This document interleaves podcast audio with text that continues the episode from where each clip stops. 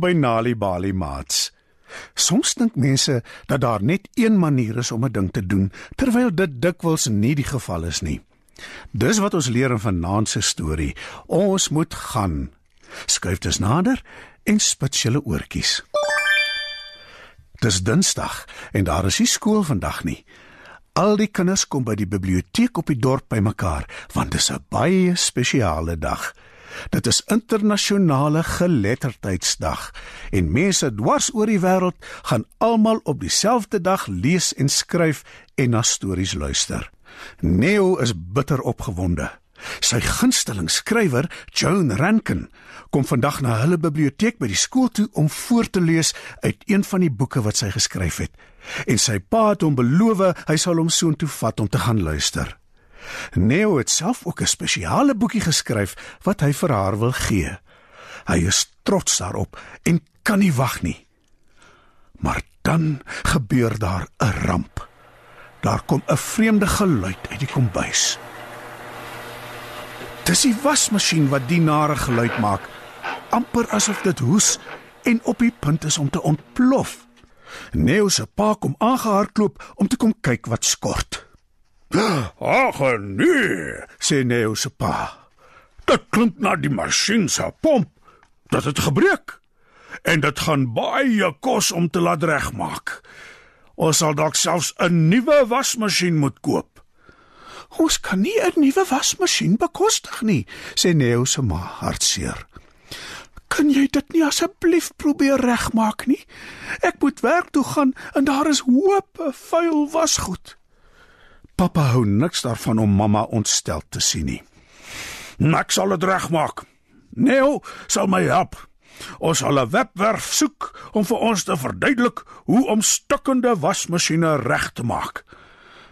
Maar pappa het beloof om my biblioteek toe te vat, sê Neo. Nou, jammer Neo, maar die wasmasjien is belangriker. Dit moet reg. Miskien kan ouma jou vat, sê pappa. Ek gaan uit vandag, sê ouma en skud haar kop. Nak is jammer, Neo. Ek sal jou 'n ander keer vat. Neo is baie ontstel. Maar pappa het beloof. En daar sal nie 'n ander keer wees nie. Ons moet vandag gaan. Nou, kla Neo. Pappa stuur hom nie aan Neo nie. Hy het ander dinge om hom oor te bekommer. Hy gaan haal sy gereedskapskis en kyk op sy selfoon op die internet na webwerwe wat verduidelik hoe om wasmasjiene se pompe reg te maak. Hm, kyk hier, sê pappa en wys vir Neo op sy selfoon. Dit lyk nie te moeilik nie. Neo kyk alwaartig, nog steeds vies oor hy nie biblioteek toe kan gaan nie, maar pappa kom dit nie agter nie. Hy trek die wasmasjien onder die toonbank uit en draai dit om sodat hy kan sien wat aangaan. En hy kom agter dit is tog glad nie so maklik as wat hy gedink het nie. Hmm, daar is 'n tekening hier, mompel pappa en kyk na sy foon. Maar dit is so klein, ek kan nie mooi uitmaak wat gaan waar nie. Toe laat val pappa een van die skroewe en dit rol onder die yskas in. Nou moet hy die yskas ook wegtrek om die skroef van die hande te kry. Neo kyk na die horlosie. Dis 10:30, nog net 'n halfuur voordat John Rankin by die biblioteek opdag. "Asseblief, pappa," sê Neo. En hy staan eers op die een en dan op die ander voet, so senuweeagtig is hy. "Maak asseblief gou sodat ons nog biblioteek toe kan gaan. Eintlik moet ons nou dadelik gaan." "Kan jy nie sien ek is besig nie, Neo? Wat meer is, ek sukkel." Hou tog nou op, Kerm. Pappa is kwaad, maar Neo is ontstel omdat sy pa hom beloof het om hom biblioteek toe te vat en nou sy belofte verbreek. Nee, nee, nee, ek glo dit nie, roep pappa. Wat? vra Neo versigtig. Nou, is my foon se battery pap, kla Neo se pa. Maar kry asseblief my laaier. Maar net op die oomblik gaan die krag af. Nie dit ook nog nie, sê Neo. Pappa is woedend. Dit is die ergste dag ooit. Ek is halfpad met die masjien. My foon se battery is pap en nou is die krag nog af ook.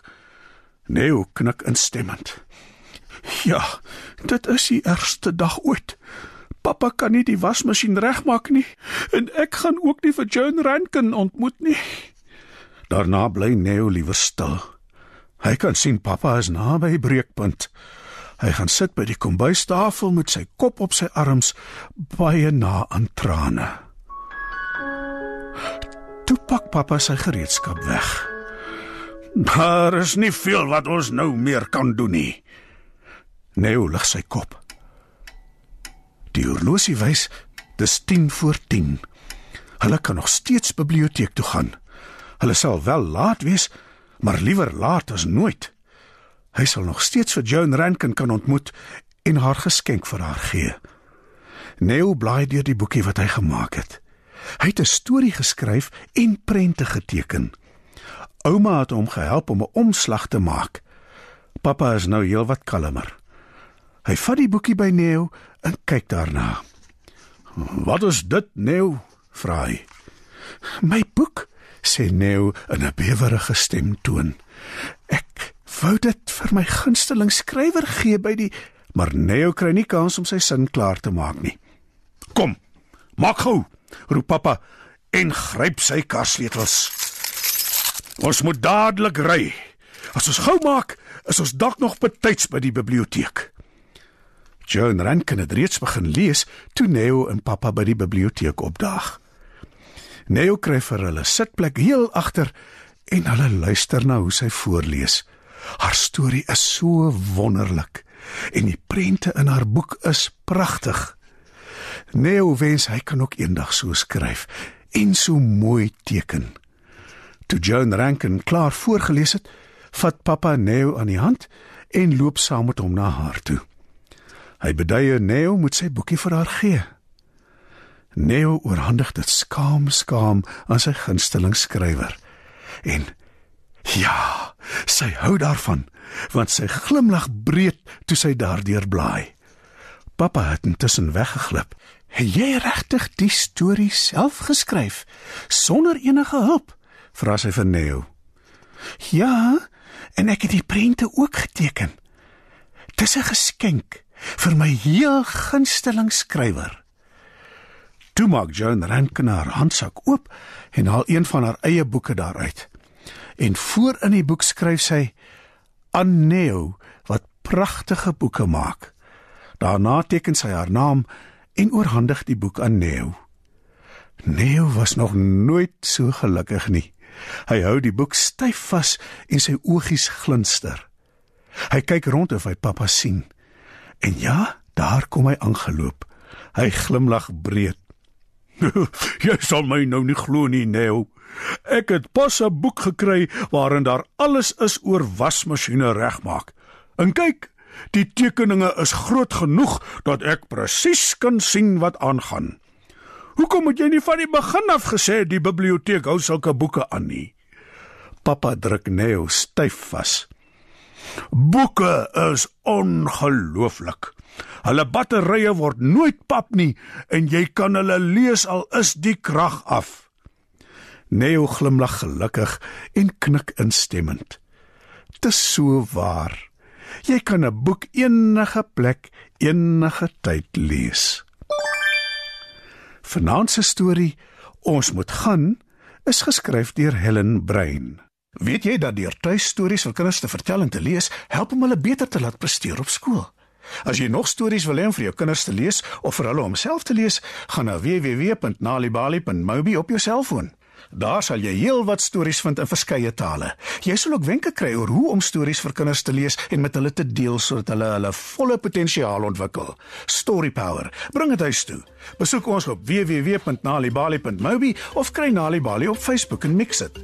Die Nali Bali Baila met pragtige stories en heelwat aktiwiteite is beskikbaar in KwaZulu-Natal, Sunday World, Engels en isiZulu, Gauteng, Sunday World, Engels en isiZulu, Vrystaat, Sunday World, Engels en Sesotho, Weskaap, Sunday Times Express, Engels en isiXhosa.